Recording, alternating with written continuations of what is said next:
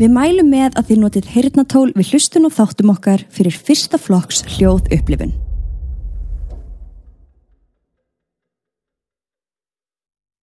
Við viljum minna á að þessir þættir eru alls ekki við hæfi barna.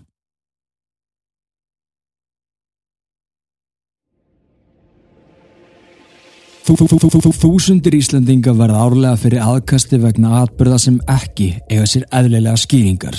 Í gegnum tíðina höfum við fengið talsvert af sögum sendar til okkar þar sem fólk er raunverulega að lýsa hræðslu og óta á yfir náttúrulegri upplifun. Atvikum sem hafa komið fyrir þau á stopnunum, vinnustöðum, en þó lang oftast inn á þeirra eigin heimilum. Í þessum þáttum munum við fara yfir aðsendar sögur, deila þeim með ykkur og rýna betur í það saman.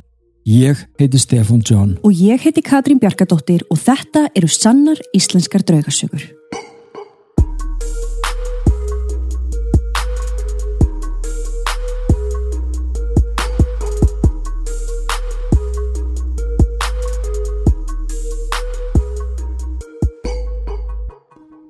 Komið sæl kæru áskrifundur, við erum komin inn í desembermánuð, jólin eru alveg að koma. Já, en við erum hér með nokkrar sögur fyrir ykkur sem við lökum til þess að fara yfir en við viljum svona minna á að þó við séum með slatt af sögur núna til þess að gera þessa þætti þá vantar okkur fleiri sögur til að geta haldið áfram svo endilega, þú veist það, ekki, ekki hætta sendi okkur þína sögu á sannar.draugasögur.com En líka út af því að þú veist, það er svo ótrúlega gaman að ef þú sendir okkur sögu að þá færð þú að eiga hana. Mm Þú veist, við tökum upp söguna, síðan sendum við þér hana, þú færð þetta eigið cover og þú getur gert það sem þú vilt þess að sög.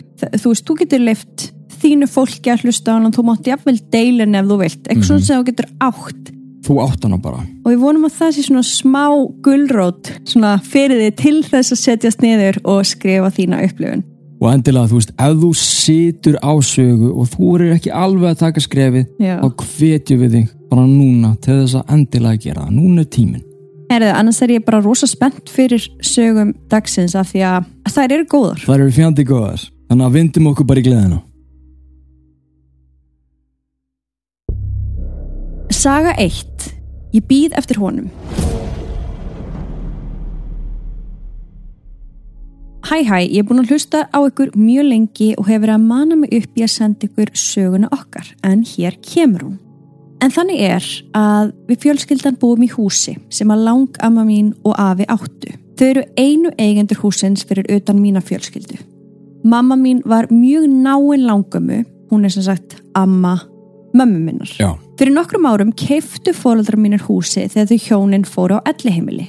Síðan stuttu síðar fjall lang ama mín frá og mamma var hjá henni þegar hún fór. Þær eru alnöfnur og þóttu voða væntum hver aðra. Mamma hjælt í höndina á henni þegar hún kvatti. Mamma sagði okkur krökkunum ekki frá því alveg strax að amma hefði fallið frá. Mér minnir að hún hefði sagt okkur að daginn eftir. Það var algjör sól og blíða úti þennan dag en það er svo sem ekki frásögu færandi nema hvað að þegar mamma segir okkur frá að amma sé fallin frá þá ríkur upp svalahörðin sem var með smá rifu og svona pumpu eða þið viti, það er oft Já. svona doppari og þungt að opna svalahörðina en já, hún ríkur upp svalahörðin og við lítum öll hvort á annað nema hvað, svo allt í einu byrjar gamla píanóið hennar að spila inn í herbergi Við rjúkum öll inn í herbergi og þar sáum við engan en ég man að pappi sagði við okkur þetta getur ekki verið tilviljun svo gamla er að láta vita af sér. Já, veistu, ég held það líka. Vá hvað þetta er flott samt. Þetta, þetta er fallegt moment. Síðan töluðum við eitthvað saman og svo bara held lífið áfram. Nefna svo fórum við að vakna á næturna við það að skápahurðir í eldúsinu voru alltaf að opnast.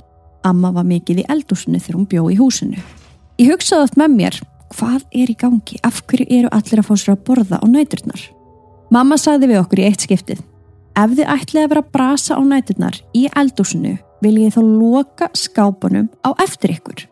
Við svöruðum öll, var ekki ég og byrjum að kenna hvort öðru um, bara svona eins og sískinni gera. Jú, jú. Og það kannaðist engin við að vera að brasa í skápunum á nóttunni eða skilja þú eftir að opna. Já, þetta er skrítið. Þetta gerðist reglulega og við hugsaum að þetta væri bara amma. Mamma var farin að fara fram á næturnar og segja ömmu að hætta. Hún mætti gera þetta á daginn en á kvöldin og á næturnar viljum við sofa. Hörðarnar hættu að opnast og skáparnir voru lokar þegar við vöknum en ef að mamma sagði ekkert þá var þetta ofta svona að einhver eða eitthvað var að opna hörðarnar nema svo fellur langa við frá, rúmi árið setna og eftir það höfum við aldrei séð nýja heyrt neitt. Bara sí svona var allt hætt. Ég veit að þetta er ótrúlegt en ég sver þetta gerðist og öll fjölskyldan skilur ekkert og við ennþá jafn hissa á þessu öllu saman og vitum ekki hvað við erum að halda. Við viljum trúa því að þetta hafi verið amma á gamla heimilinu sínu að býða eftir afa en satt að segja þá vitum við ekkert. Ég held að það sé hárrétt. Ég held að hún sé bara eitthvað að chilla og dóla sér. Hún fá bara aðeins að sinna nokkur um húsverkum ára hún fer Já, og svo kemur afi með henni og þá geta þau farið inn í sumarlandið. og þá er hún tilbúin í að fara. Já, mér finnst það bara fallið saga í rauninni. Ég er alveg sammála sko. Mm og þetta er mynd maður veldur í oft svona fyrir sér með, með fólk sem búið að vera lengi saman eða kannski eru bara sálufélagar jafnvel þó þeir hittist einhvern tíman seint á lífsleðinni Já, að ef maður hugsa sér þannig að þegar að fólk fellir frá að þá farið það í gegnum svona hvað getur við sagt, já þú svona byrjar þú ert svolítið nær okkur og svo fer alltaf lengra og lengra og Mhm. lengra og lengra. Já, ég man til dæmis að þegar ég byrjaði að sjá afa minn sem bad, mm hann dó lengu eftir ömmu.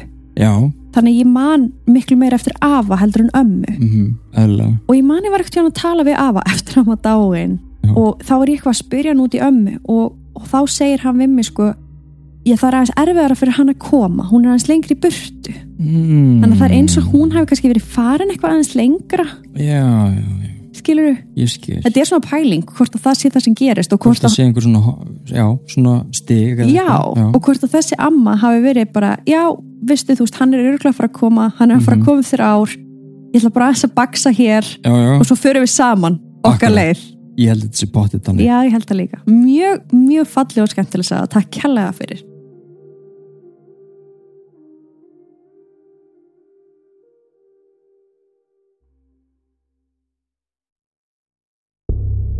Saga 2.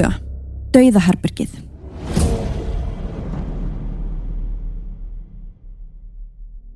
Góðan daginn, elsku Katrín og Stefán og takk fyrir æðisli podcast. Ég hef aðeins sendt ykkur á Instagram en þar talaði ég um að þegar ég hlusta á sannar íslenska draugasögur þá tárast ég oft og fæ eins og kökk í hálsin því mér finnst ég vera að finna tilfinningar frásagnar aðilans. Ég nefndi við ykkur að ég ætti einhverja sögur og eftir að hafa rætt þetta við mömmu mína sagði hún að það gæti verið skemmtilegt ef ég setti nokkra niður og sendi ykkur. Ég er ekki besti pennin en vonandi kemst þetta ágætlega til skila og ég vona að þið njótið.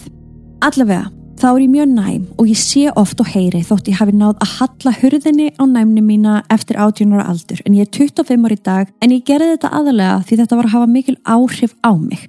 En finn samt hvernig að ef ég hlusta mikið á podcastin ykkar eða tala mikið um hið yfirnáttúrulega sé eins og hurðin opnist aðeins meira og þá verði aftur meira vör við allt sem er í kringum okkur sem ekki allir sjá eða upplifa. Já, mér langar að stoppa hérna því mér finnst það rosalega áhugavert Mhm. því við höfum heyrt þetta áður Já, að fólk sem sagt þurfi að taka sér pásu að hlusta á draugasögur af því að það opnar á skinnfærin og slíkt akkurat. og ég menna það er að svipa og gerist þér og horfir á hryllingsmyndir til dæmis Mhm. þá ert svona tæpari eftir þær þannig að já, ég vona þið haldið samt áform að hlusta á okkur Ég held að byrja allir að hlusta en þetta er alveg rétt. Þetta er bara Mm. pínlítið ef þú tekur bara dæmi frá sjálfið þér. Ég já. áður en við kynntumst og áður en við byrjum í þessum business þá varst þú ekkert persónulega mikið að spá í þetta. nei, nei, nei, nei. Ég meina, jú, auðvitað þú trúaður og húst andlegur og hefur alltaf verið. Já, En þú ert orðin mjög næmar í dag heldur en þú varst. það er rétt Og ég líka mér þess Já, já, já, maður er eflist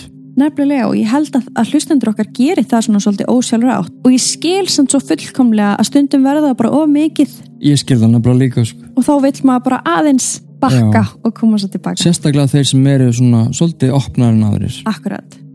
En hún heldur áfram, nóg um þetta. Hérna ætla ég að segja ykkur nokkra sögur af yfirnáttúrulegum atbyrðum sem ég hef lendi í. Svartklæti maðurinn. Þegar ég var í kringum 13-14 ára var ég með vinkonu mínum út á hól fyrir utan heimilið mitt. Þetta eru miðjan vetur og voru við að rann okkur í snjónum. Ég tek eftir hvernig út undan mér stendur maður í svörtum frakka sem nær niður fyrir hnýja og krægin var brettur upp svo aðeins sást í augu hans og nef. Hann var einnig með pípuhatt. Mér fannst mjög áhugavert og varð smá smeg við það hvernig hann stóð bara þarna og starði. En ég reyndi að leiða þetta hjá mér þar sem vinkonu mínar sögðu ekkert og gæti verið að þær sæja hann ekki. Við kláraðum svo að leika og ég fyrir heim, pæla ekki meir í þessu og fer svo að sofa. Vakna svo um nóttina og þá stendur hann í herbyrginu mínu við hliðin á rúminu mínu. Ég sé bara bláu augunans og nefið sem ég kannast ekkert við. Hrætt snýjum mér við og hugsa að mér hljóti bara að hafa verið að dreyma. Lít svo um aukslina og hann er horfin. Hann var svo mikið heima á ganginum þegar ég hljóp úr herbyrginu mínu yfir á klósettið sem var beint á móti og ég var alltaf skýt hrætt við hann. Littla sýsti mín þorði ekki að fara úr sínu herbyrgi yfir í herbyrgi hjá fóröldrum okkar sem einnig var hinu með við þennan gang og ef hún fór yfir þá hljóp hún en hún var um þryggjára þarna og setti aldrei orð hvers vegna. Hann var hjá okkur í mörg ár, kom og fór en yfirleitt var ég ein vör við hann. Ég fann samt yfirleitt fyrir honum hvert sem ég fór. Hann átti það til að banna mér hluti. Nú, Ég mátti ekki tala um hann við móðu mína en hún hefur starfað aðeins sem miðill og alltaf verið næm og séð. Þar til eitt kvöldið þegar ég ætlaði út í fótbolta með samnumundum mínum. Þá stóð hann fyrir útidrahörðinni og bannaði mér að fara. Ég er búin að tilkynna mömmu að ég ætlaði að fara í fótbolta og er við það að hlaupa út. Þegar ég sé hann og kalli til mömmu að ég sé ekki að fara. Ég má það ekki, segi ég. Hún spyr hvað ég sé að meina og ég svara maðurinn leifir mér það ekki. Hann stendur fyrir hurðinni. Hún segir mér að hann ráði ekki hvað ég geri og að ég sé sterkari en hann. Hún segir mér að skipunum að færa sig sem ég geri hekandi. Máli var að ég var orðin frekar hrætt við hann því að ef ég hafði farið á móti því sem hann hafði bannað mér vaknaði ég alltaf við hann standandi yfir mér. hlustaðu á allan þáttinn inn á Patreon appinu sem er frítt. Þú skráir því áskrift inn á patreon.com skástrík sannar íslenskar og far nýjan þátt hálsmánaðarlega af sönnum íslenskum draugasögum. Engin binding og þú far aðgang að öllu efninu strax við skráningu. Svo af hverju ekki prófa? Ég meina, vilt ekki vita hvernig sagan endar?